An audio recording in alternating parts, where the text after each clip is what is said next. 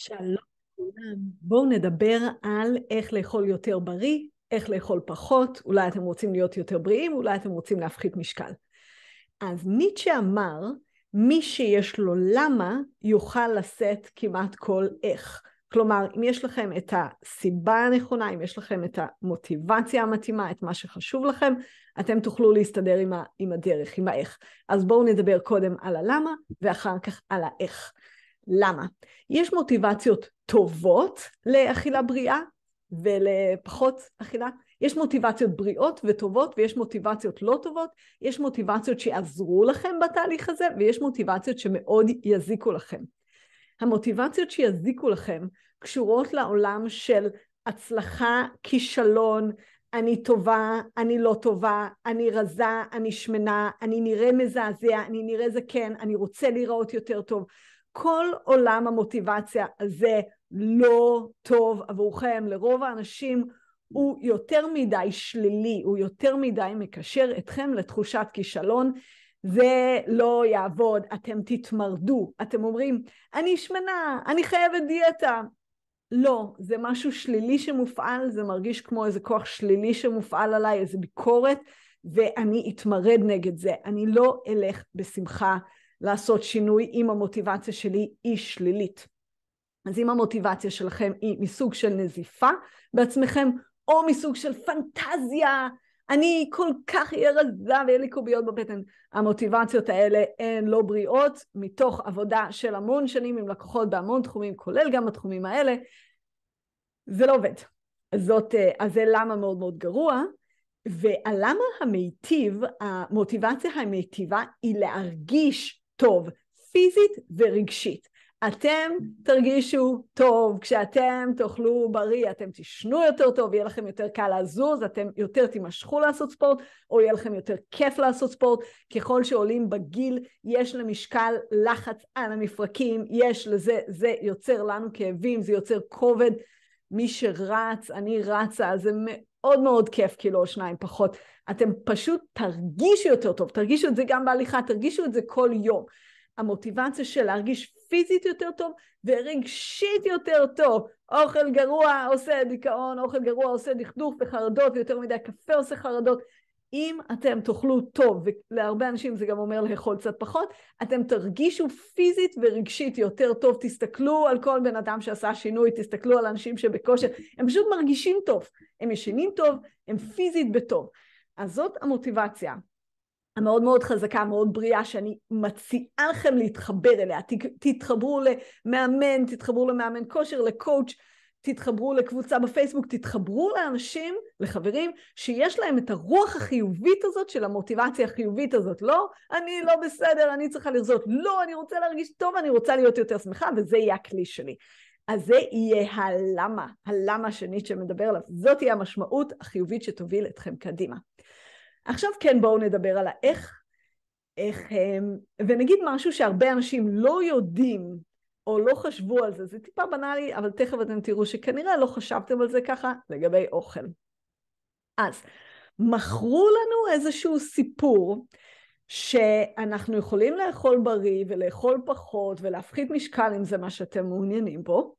מכרו לנו שנוכל לעשות את זה בלי לוותר על שום דבר, ובלי למנוע מעצמנו שום דבר, ולא יהיו עלינו איסורים, ואנחנו באיזושהי דרך נס נצליח לאכול כל דבר, ותמיד נוכל לאכול כל מה שנרצה, ומתי שנרצה, ואיזה כמות שנרצה, ועדיין נרד משקל. נכון שאמרו לנו את זה, אולי כדי למנוע הפרעות אכילה, ואכן הפרעות אכילה זו גם בעיה, אבל בדרך מכרו לנו את הסיפור הזה, כאילו אם, אם איכשהו באיזשהו קסם אנחנו נעשה את הדברים נכון, לא נצטרך להתגבר על איזה שהם חשקים, לא נצטרך לעצור את עצמנו בשום נקודה.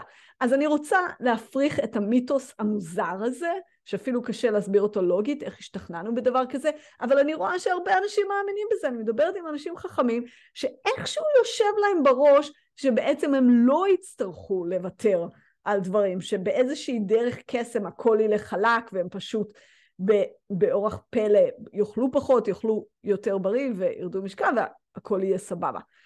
אז בואו נפריך את המיתוס הזה. אתם תצטרכו, אם אתם רוצים לשנות את הרגלי התזונה שלכם, לאכול יותר בריא, כנראה גם לאכול פחות, אתם תצטרכו לסרב לעצמכם או בסוגי האוכל שאתם אוכלים, כלומר לוותר על סוגים מסוימים של אוכל שאתם אוכלים, או לסרב לעצמכם על כמויות מסוימות, כלומר לאכול כמות יותר נמוכה ממה שאתם אוכלים, או על זמן. בזמנים מסוימים לא תוכלו לאכול אפילו שבא לכם. אז בואו נגיד את זה שוב. יהיו זמנים שבהם תצטרכו לסרב לעצמכם שאתם תרצו לאכול משהו ולא תאכלו אותו, או על סוג, אתם לא אוכלים דגנים למשל, או על כמות, אתם לא אוכלים מעבר לצלחת אחת כמו, למשל, או על זמנים, אתם לא אוכלים אחרי שמונה בערב או שש בערב או משהו כזה. אתם תצטרכו לסרב לעצמכם מתישהו, אוקיי? המיתוס המוזר שאנחנו אף פעם לא נצטרך לסרב לעצמנו ואין שום איסורים ואין שום הגבלות ואין שום אוכל שהוא לא מתאים, אה, זה לא עובד, אתם תצטרכו לסרב לעצמכם מדי פעם, אוקיי? סידרנו את הנקודה הזאת, אתם תצטרכו להגיד לעצמכם לא, אתם תעמדו מול משהו או תחשבו על משהו ואתם תגידו לעצמכם לא, אני לא אוכל את הדבר הזה, אוקיי? אז ה basics בלשנות את אורח החיים שלכם מבחינת אוכל, יהיה ליצור לעצמכם איזשהו סירוב.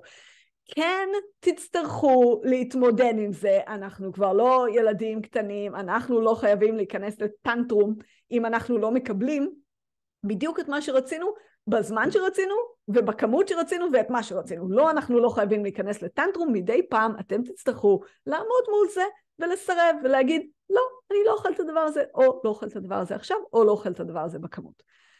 אוקיי, עכשיו מה עוד נשאר לחשוב? מה יהיה לכם הכי קל לסרב לו? באיזה צורה זה יעבוד עבורכם? הסירוב, זאת השאלה. השאלה לא אם תצטרכו לסרב או לא, תצטרכו. השאלה אם לא אם תצטרכו לעמוד מול משהו שאתם רוצים, או, או במחשבה או פיזית לראות אותו ולא לאכול אותו, כן, זה יצטרך להיות חלק מהסיפור. אבל באיזה צורה יהיה לכם נוח, יהיה לכם מתאים לאישיות שלכם ולחיים שלכם ולאורך החיים שלכם ולמי שאתם, באיזה צורה יהיה לכם נוח לסרב במאכלים מסוימים. אז בואו נחשוב על האפשרויות השונות. יש אנשים שנוח להם למחוק קטגוריות שלמות של מאכלים. הרבה אנשים, נוח להם פשוט למחוק מהתפריט, למחוק מהלקסיקון קטגוריות שלמות של מאכלים. אישית, בדרך כלל אני לא אגע בכלל בשום סוג של דגנים, לא מלאים ולא לבנים ולא שום דבר ולא לחם וגם לא קינוע ולא קוסמת, פשוט כל הדגנים אני לא אוכלת אותם. אז זאת דרך אחת לסרב לאיזה שהם סוגי מזון, להקטין את כמות בעצם, כמות האוכל שאני אוכלת, גם להגדיל את האיכות, אני אוכלת דברים אחרים שמבחינתי הם הרבה יותר מזינים, כמו פירות, ירקות אה, וחלבונים, אני פשוט מעדיפה אותם. אז זו דרך אחת. לקחת קטגוריה שלמה של מאכלים ופשוט להחליט שהיא לא בשבילכם. יש אנשים שהם טבעונים, אז הם לא אוכלים מהחי. יש אנשים שלא אוכלים דגנים, כמו שאמרתי, יש אנשים שלא אוכלים מתוקים, שלא אוכלים תוספת סוכר, אז להחליט שיש קטגוריה שלמה שאתם מוותרים עליה, זאת דרך שנוחה להרבה אנשים ללכת בה עם אוכל. למה היא נוחה? מכל מיני סיבות. קודם כל זה מקטין משא ומתן. לא כל הזמן צריך לחשוב על כל דבר, אני אוכלת את זה, אני לא אוכלת את זה, לא, זה בקטגוריה שאני לא אוכלת את זה. הרבה יותר קל להרבה אנשים. יש גם עניין קצת של התמכרותיות. לי אישית, אה, אם אני אוכל לחמניה אה, במשך השבוע הקרוב, כל הזמן יתחשק לי לחמניות, אז הרבה הרבה יותר קל לי פשוט לא לאכול לחמניות. אני אוכלת פסטה פעם אחת בשבוע לפני ריצה מאוד ארוכה שאני עושה ביום שבת, אז אני מאוד נהנית מזה, אבל שם זה איכשהו נכנס למסגרת שזה קשור לריצה, וזה לא מכניס אותי להתמכרותיות. אתם שומעים? לי נוח, ולהרבה אנשים נוח, להימנע מקטגוריה שלמה מסוימת של מאכלים. אז זאת דרך אחת להחליט שקטגוריה מסוימת היא לא עבורכם. למה אתם בחרתם את ההגבלה הזאת? כי קל לכם ליישם את זה. אתם זוכרים? אנחנו נצטרך ליישם איזשהו איסור, יהיה איזשהו איסור שאתם תצטרכו לקבל, אם אתם רוצים לשנות את מה שאתם אוכלים היום למשהו אחר, יהיה איסור בדרך, יהיה איזשהו סירוב שאתם מסרבים לעצמכם. להרבה אנשים יהיה נוח לסרב על קטגוריות של מאכלים. זאת דרך אחת. דרך אחרת היא לסרב על זמנים. גם זה עובד טוב להרבה אנשים, מה שנקרא להקטין את חלון האכילה, אז למשל לאכול רק שמונה שעות ביום, מ-12 בצהריים עד שמונה בערב, דוגמה אחת, מ-10 עד 6 דוגמה אחרת, או הקטנה אחרת של זמנים זה לרווח בין הארוחות, אז להגיד למשל אה, ששלוש שעות מארוחה מסוימת אתם סוגרים את הפה לשלוש שעות ואתם לא אוכלים, אז אכלתם משהו, אה, אכלתם ארוחה, אה, טעימה, ואז אחרי שעה אנשים אומרים, אה, יש גם קינוח, יש סלט פירות. אתם אומרים, לא, אני, אתם אומרים לעצמכם, לא, אני שומרת על שלוש שעות בין ארוחה לארוחה, סיימתי את הארוחה, זה נגמר, אני לא אוכלת עכשיו.